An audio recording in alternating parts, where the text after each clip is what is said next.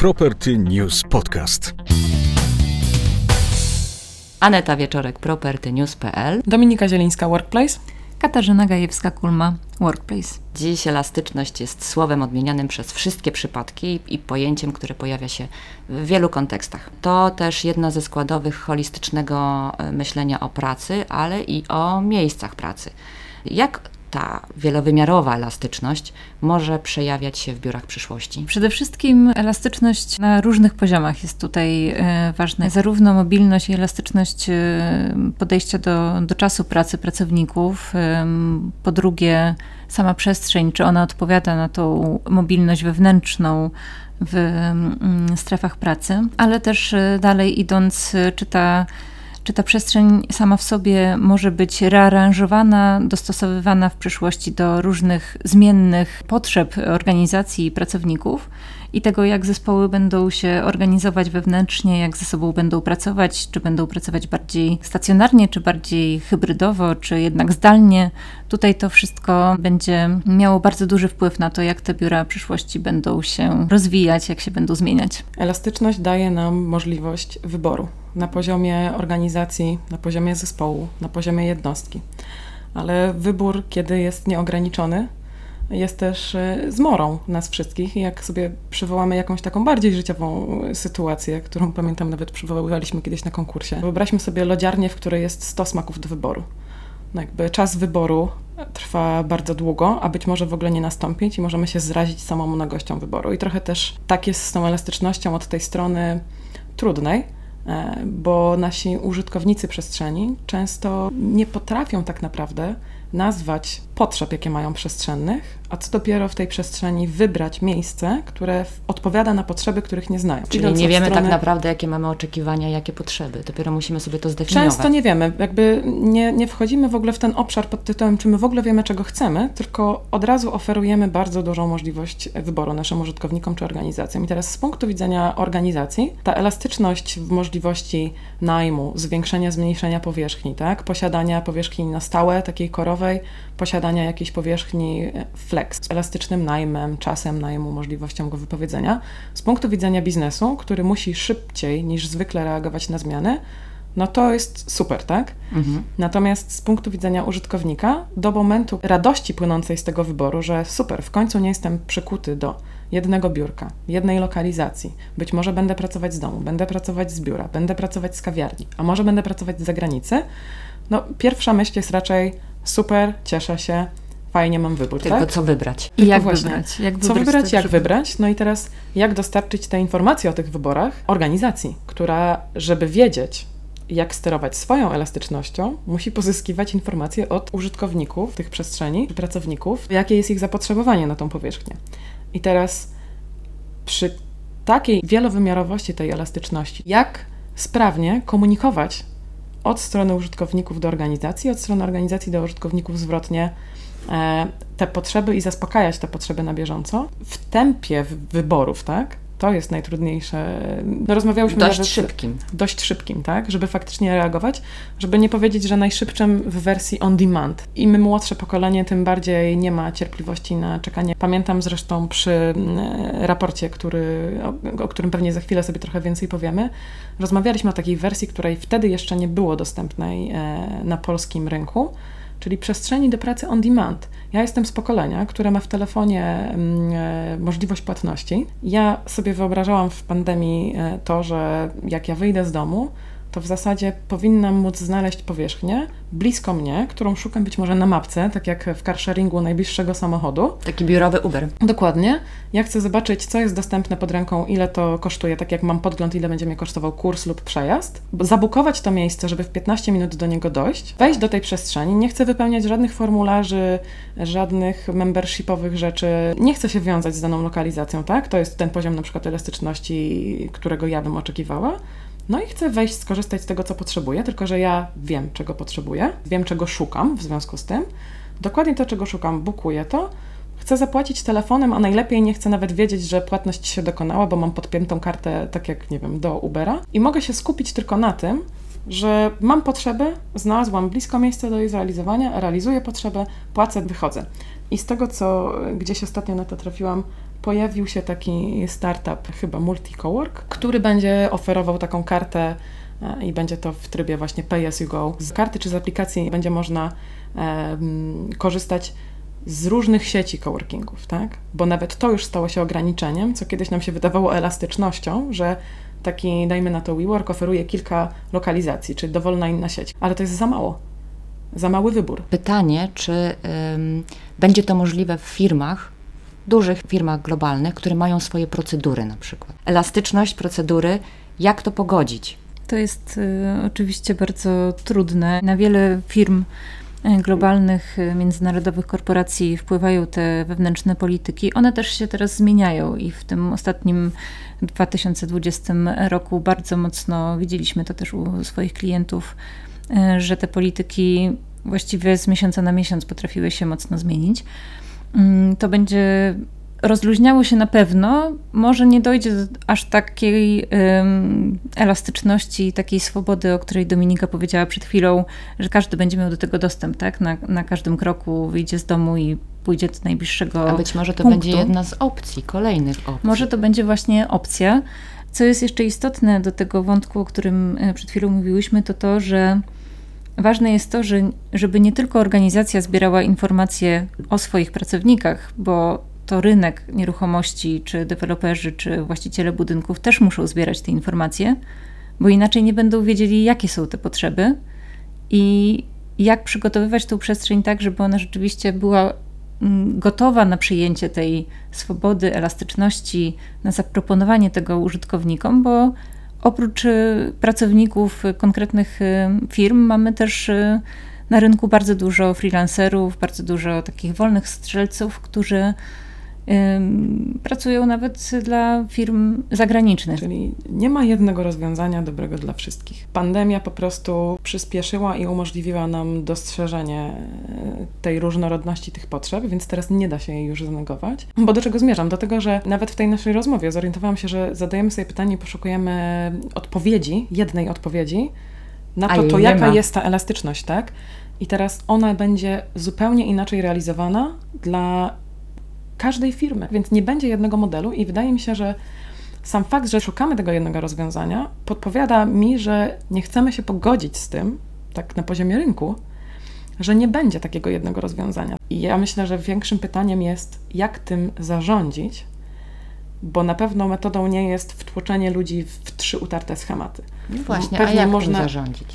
Pewnie można stworzyć pewne schematy na początek, jakiegoś postępowania, może trzy, może dwa, może nawet jeden, predefiniowane, od czegoś zacząć w ogóle, zbudować prototyp, spróbujmy tak. No i obserwować tę sytuację i ponownie zbierać dane.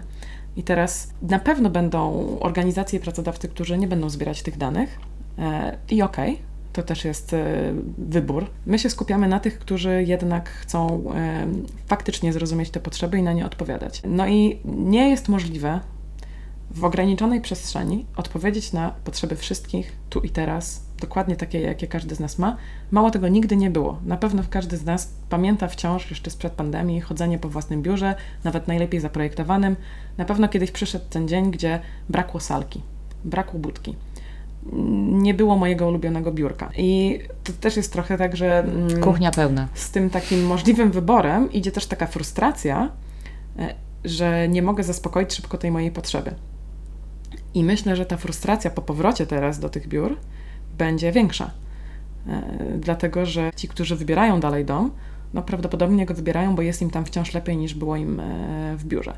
I teraz, żeby taka osoba chciała do tego biura wrócić, nawet jeśli to jest elastyczne i jest tam wybór, no to ona musi zaspokoić te swoje potrzeby lepiej niż w domu.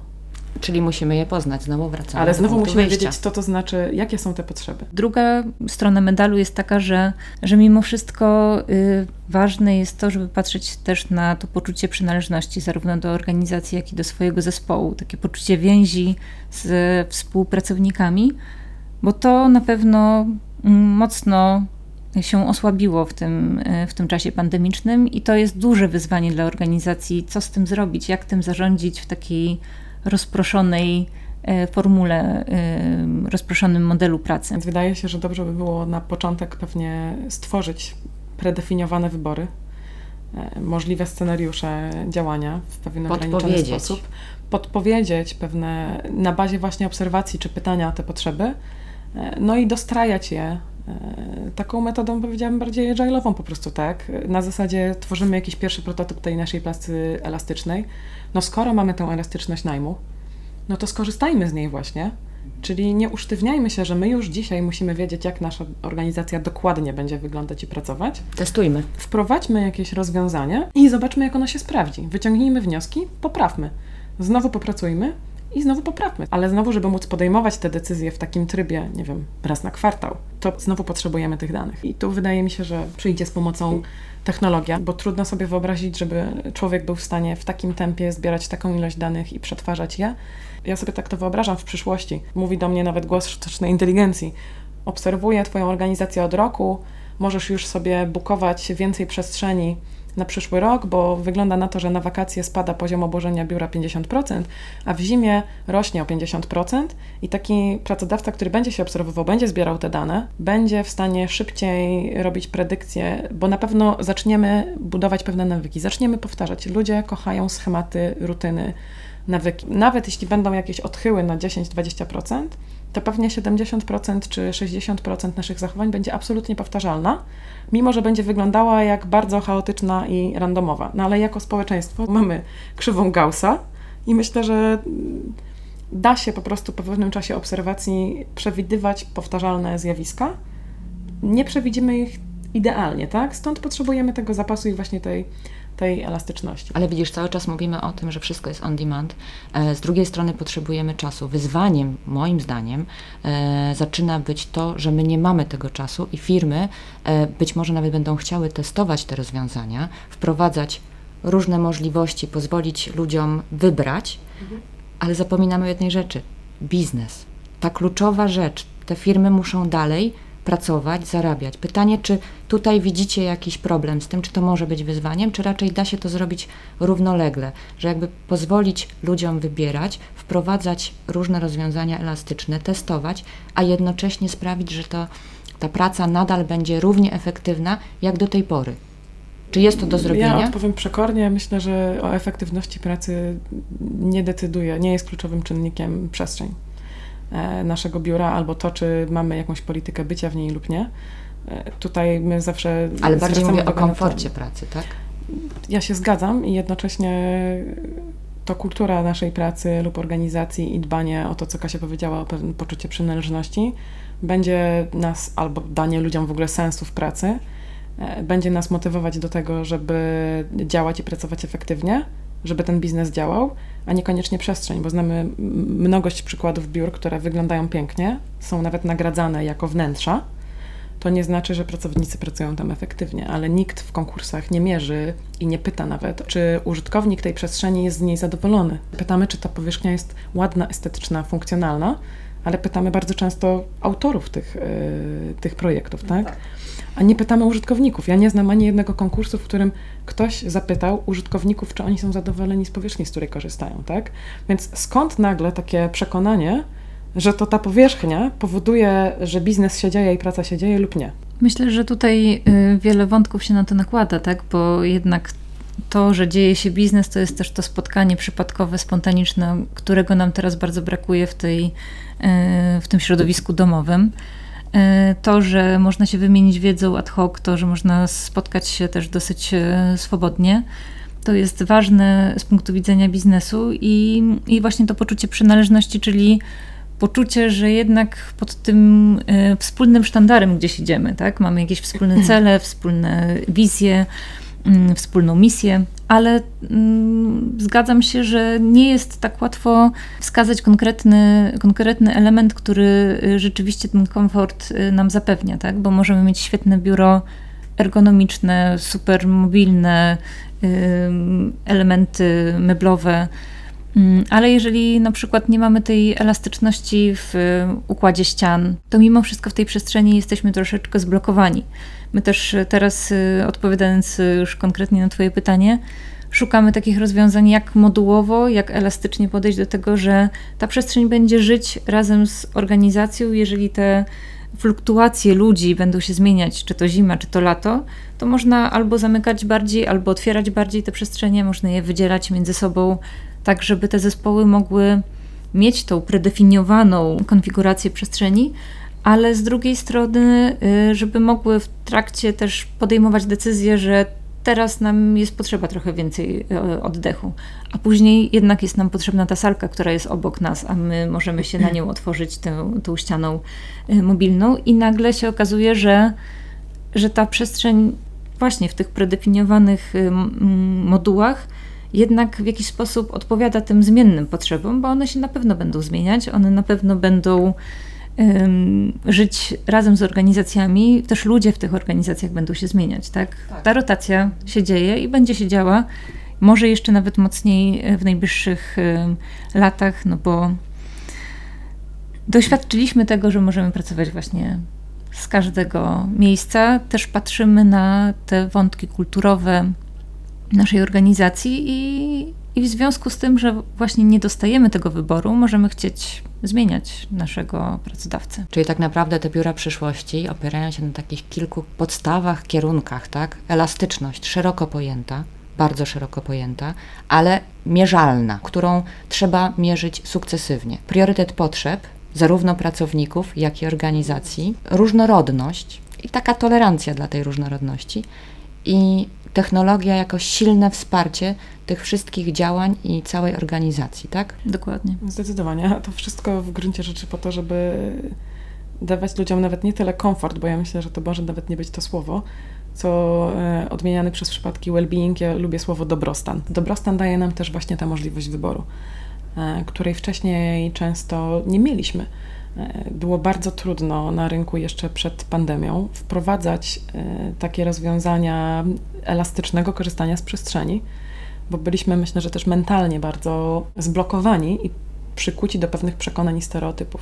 I tutaj naprawdę bardzo dobra rzecz się stała, że, że się wydarzyła ta pandemia. Ona, jak wszystko, znowu ma swoje plusy i minusy, ale pozwoliła wielu menadżerom dostrzec, że no nie muszą zaglądać przez ramię do pracownika, czy on pracuje. Podsumowując, mamy szansę dzięki e, pandemii podejść na nowo do przestrzeni pracy, przestać ją traktować jako koszt, zacząć ją traktować jako inwestycję, benefit, który może sprzyjać właśnie temu dobrostanowi naszego współpracownika, naszej organizacji e, i wynieść nas na zupełnie inny poziom e, zarządzania, czy właśnie dostarczania jakościowej przestrzeni, czy jakościowych rozwiązań naszym pracownikom, bo nie możemy mówić o tym, że one przed pandemią były fantastyczne.